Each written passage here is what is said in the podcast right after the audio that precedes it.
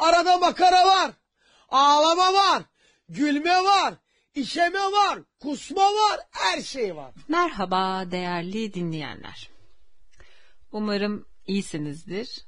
Ee, zira ben değilim. Instagram'dan takip edenleriniz varsa biliyor ama bilmeyenler için 3 e, yılın sonunda bulduğum saçma işten istifa ettim.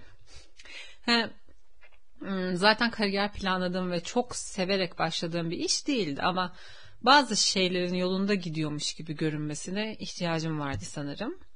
Tabi burada konu ben değilim. Ee, biziz canım ülkemin kayıp ve mutsuz nesilleri. Farklı insanlarla tanışma, konuşma fırsatı bulduğum her ortamda bunu daha iyi anlıyorum. Neden buradasın sorusunu birbirimize sorduğumuzda verdiğimiz cevaplar genelde trajikomik oluyor. Aynı pozisyonda mesela 3 dil bilen de çalışıyor, lise mezunu da. Durumun özeti bu. Ben zaten 6 ay sözleşmeli girmiştim ve memnuniyet durumuna göre sözleşme uzuyormuş. Yani çok değişik bir şirketti. Şirket hakkında detay veremiyorum. Zira ilk 3 gün sadece belge imzaladık. Yani anladınız siz onu. Sürekli belgeler geliyor. Yani nasıl bir gizlilikse artık imzala imzala. Yani zaten imzalamasam da söylemem canım. Benimki genel sistemin işleyişiyle ilgili sistemler. Mesela ilk defa mülakata e, gireceklere ve özel sektörde kariyer hedefleyenlere e, söyleyeyim. Asla inanmamanız gereken kurumsal yalanlar. Bir, size eğitim vereceğiz. Arkadaşlar bu en büyük yalan. O asla o eğitim verilmiyor. Yani üniversite zamanlarımda bir AVM'nin sinema bölümüne işe girdim. Sözde para biriktireceğim, yurt dışına gideceğim falan yani ne idealler. Bana dediler ki ilk 10 gün sadece gözlemleyeceksin. O zaman da Tor vizyona girmiş. Yani nasıl kalabalık sinemalar. Ben de böyle sazan sazan dinliyorum mülakatta çalışma şartlarını. İşte aa ne kadar güzel. Part time çalışacağım, yorulmayacağım. Daha iş başlangıç tarihime var. Ee, oturuyorum evde. Telefonum çaldı. Burhan Altıntop'un dediği gibi telefon acı acı çalıyordu. İşte hemen gelebilir misiniz dediler. Bak yani o kadar kuralsız ki kurumsal sözde çalıştığım yer. Yani ansızın çağırıyorlar. Yani ne kadar kafiyeli oldu. Kuralsız ki kurumsal sözde. Neyse ve eğitim e, verecek bunlar ya bana. Gittim kıyamet gibi kalabalık yoğun bir gişeye koydular beni. İkinci günü daha bir baktım kasa teslim ediyorlar bana. Yani belli bir para veriyorlar. Ve eksik hatalı işlemlerde de maaştan düşecek. Eksiklerim. Zaten şaşkın balık Nemo gibiyim o zaman yani e, müşteri olarak gittiğim bir yerde sözde ideal, idealistlik uğruna çalışmaya başlamışım. Eğitim alacaktım yani part time'dım falan. Bunlar bana bir takvim yapmış 10 gün yani arada hiç şey yok tatil yok. O da sorumluların birbirinden habersiz çalışma programı hazırlamasından tabii ki. Neyse çok zorlandım. 10 günün sonunda çıktım tabii ki işten ve tabii ki farklı problemler de vardı. Verilmeyen eğitimlerden mesul olmam dışında. Ve bu olay aradan yıllar geçtikten sonra da farklı bir pozisyon ve şirkette de karşıma çıktı. Yani kısacası eğitim vereceğiz yalanına kanmayın. 2. Mesai 5.30'da bitiyor. Şöyle söyleyeyim en son şirketten e, 9.30'da el feneriyle çıktım. Otomatik ampuller artık apartmanlarda ve tuvaletlerde bile var. Yani neden şirket koridorlarına koymamışlar onu bilmiyorum. E, şirketin alt kapısını da güvenlik kitlemişti. Allah'tan bir kapı bulup çıkabildik yani. Tabii ki eve gelmem 10, 10 buçuk falan. Zaten İstanbul'da yol problemi çok korkunç. Bir yerden bir yere gidene kadar psikolojim bozuluyor vallahi benim. Arabayla bir yere gitmek de zulüm. Trafikte kalıyorsun, park yeri bulamıyorsun ve annem benim araba kullanmam konusunda çok korkak. Yani ehliyeti alalı iki yıl mı oldu artık bilmiyorum. Her arabayı kullanacağım zaman evde bir kavga kıyamet. Otobüsle git geldi mahvediyor beni. Metrolar tıklım tıklım. Ey İstanbullu dönün abi köyünüze. Bakın ben dönemem. Benim köyüm zaten İstanbul'da. Uskumru köy benim köyüm. yani benim köklerim yüzyıllardır burada ve benim farklı bir şehirde tanıdığım bile yok. Gidecek yerim yok ya. Abi olan gitsin ne olur. Gerçekten bu şehir kaldırmıyor. Otobüsler çok kalabalık ve insanlar o kalabalığın içinde vakit geçirecek bir şeyler bulabiliyorlar. Mesela göt götesin. Leş gibi insanların kokuları var orada. Vuruyor burnuma. Acı acı yani. Ağzında sakız olan lapçık lapçık. Ağlayan şımarık çocukların sesi. Aptal sohbetler. Hepsine maruz kalıyorsun. Ha, abi orada oturmuş kitap okuyor, dizi izliyor. Yani hele metrolar havasız. Böyle Taksim metrosu özellikle leş gibi sidik kokuyor. Ortam buyken sevgililer yürüyen merdivende öpüşmeyi ihmal etmiyor ya. Ha zaten sevgilin ile yürüyen merdivene bindiysen o otomatik öpüşüyorsun artık. Kedilerin kum kazması gibi. O artık senin elinde olan bir şey değil. Yani öpüşmeye mecbursun. Aksi takdirde çok çok ağır cezası. Yani öyle olmalı ya da bu doğuştan gelen bir refleks.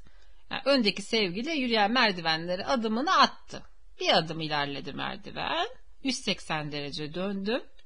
Sonra arkandan sevgilin bindi. Sen sağdan veya soldan dönebilir o. Dönen, ilk dönen. O fark etmiyor gözlemlediğim kadarıyla. Arkadaki de adımını attı. Artık tamam. Burun burunalar.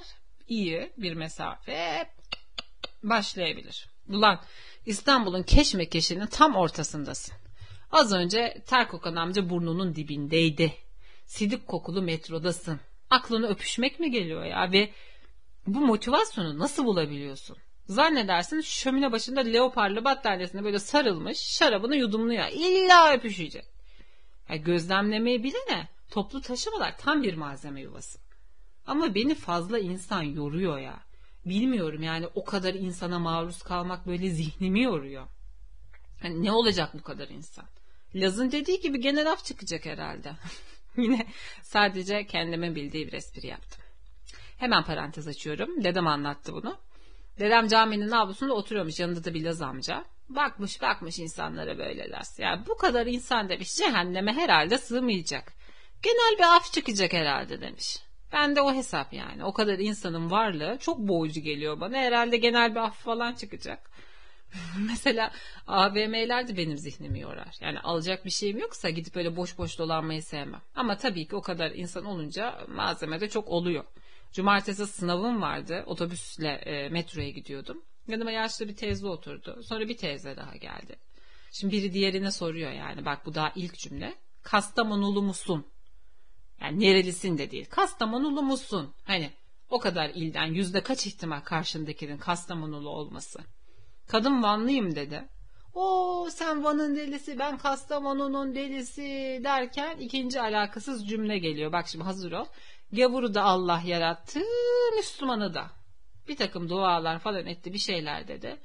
Yani nerelisinden sonraki konu e, geçişinin aniliği ve alakasızlığı karşısındaki şaşkınlığımı da atlatamadan hop üçüncü alakasız konu ve cümle geldi. Yine bir öncekiyle hiçbir bağlantısı yok. Ben geçen sene ölüyordum. Belden aşağımın canı çıkmış, üstümün çıkmamış. Doktor demiş ki ikindiye kılın bunun namazını. Artık e, dini işlere karışan nasıl bir doktorsa bu. Hem mahalle cenazeyi bekliyormuş. 5-10 tane işte iğneler vurulmuş, bağırsakları girmiş çıkmış, içine bir şeyler olmuş falan. Böyle ben gülmemek için kendimi tutuyorum tabii ama içimden de böyle sorguluyorum. Gerçekten akıl sağlığı yerinde hani bilinçli birey sayısı toplumun yüzde kaçını oluşturuyor? Bu kadar manyak beni buluyor olamaz. Tamam biraz çekerim manyakları ama arada da normali denk gelmeli ya. Yani toplu taşımaların yani eğlenceli bir yanı var ama artık o e, kalabalık İstanbul'un böyle hafta içi, hafta sonu, gündüzü, akşamı hiç fark etmiyor. Her yer tıkış tıkış, her yer boğucu. Bu kadar insan yoğunluğunun içinde işe gidip gelmek de yani insan enerjisini tüketen bir durum. Üstelik gittiğin işte de böyle mobbing varsa, muhatap olduğun insanlar kötüyse ya da sevmediğin bir işe gidiyorsan işte o zaman boğulmamak için sudan kafasını çıkarmaya çalışan insanlara dönüyorsun. Bir de işe girdin diyelim. Şirket e, İK sana verdiği sözü tutmadı ki bu yüzde 99 bir ihtimal. Çalışma şartları da anlattıkları gibi çıkmadı falan. E, işten çıkarsan da deneme süresinde bile olsa bu çalışanın handikapı oluyor. Yani sanki böyle tutunamamışsın işte maymun heveslisin falan gibi. Hani insana değer verilmeli. Avrupa'da sokaklar boş insanın canı sıkılıyor falan diyorlar. Hani İstanbul'u yaşayan bir şehir 7-24 her yer canlı ki doğru. Ama Avrupa'da insanların 12 saat çalıştıramadığın için olabilir mi o? Yani gece 12'de çık mesela benim yaşadığım yerde. Öğlen 12. Her yer. Bütün dükkanlara çık. Her saatte her koşulda çalıştıracak insanı bulabiliyorsun. Ve bu insanların başka hiçbir şey zamanı kalmıyor. Çok acı. Hani bir programda izledim kültür sanat faaliyetlerine katılanların oranı yüzde yediymiş. Yani yine adını hatırlamıyorum bir oyuncu dedi bunu. Hani ekonomik krizi geçtim insanların gerçekten vakti yok. Bence dünyanın en şanslı insanları sevdiği işi yapan insanlar. Ben hep kültür sanat alanında yaratıcılığın olduğu, devinimin olduğu için de böyle durağanlık ve monotonluktan uzak öyle bir iş istedim. Ki ben umudunu kaybetmeyen bir insandım ama kötü tecrübeler ve geçen zaman insanı hep geriye atıyor maalesef. Yolun başındaki o güzel ihtimallere odaklanmış insandan çok uzaklaşıyorsun. Geçen düşündüm e, ben müzik açıp evde böyle dans ederdim sürekli. O kadar olumsuzluklar üst üste geldi ki artık dans etmeyi bırak. Hiç müzik falan açamıyorum ya. Depremler, yangınlar, hastalıklar, ekonomik kriz, savaş. Yani insanın böyle zaten mutlu olmaya utandığı bir ortam var. Değişik de bir baskı oluyor insanların üzerinde. Toplumsal olaylarda böyle e, ulan işte bugün de fotoğraf paylaşılır mı? Bu büyük bir felaket yaşanıyor falan. Ya, tabii ki acıya saygı göstereceksin. Ama acıyı yaşayan kişi olması senden beklenmemeli. Ki gerçekten bir acı yaşadığında bunu taşıyacak gücün olsun. Sürekli acı yaşamaz çünkü bir insan. Yani insanları sürekli böyle matem tut baskısının yapılmasını yanlış buluyorum. Umarım böyle kötü günlerin üst üste geldiği gibi böyle güzel olaylar da üst üste gelir hepimiz için. Böyle toplu bir amin duyar gibiyim. İşte inanmayanlar için artık tütsüler, enerjiler. Hristiyanlar için amen. Artık hepiniz bir şeyler yapın. Artık güzel günlere çok ihtiyaç duyuyoruz gerçekten.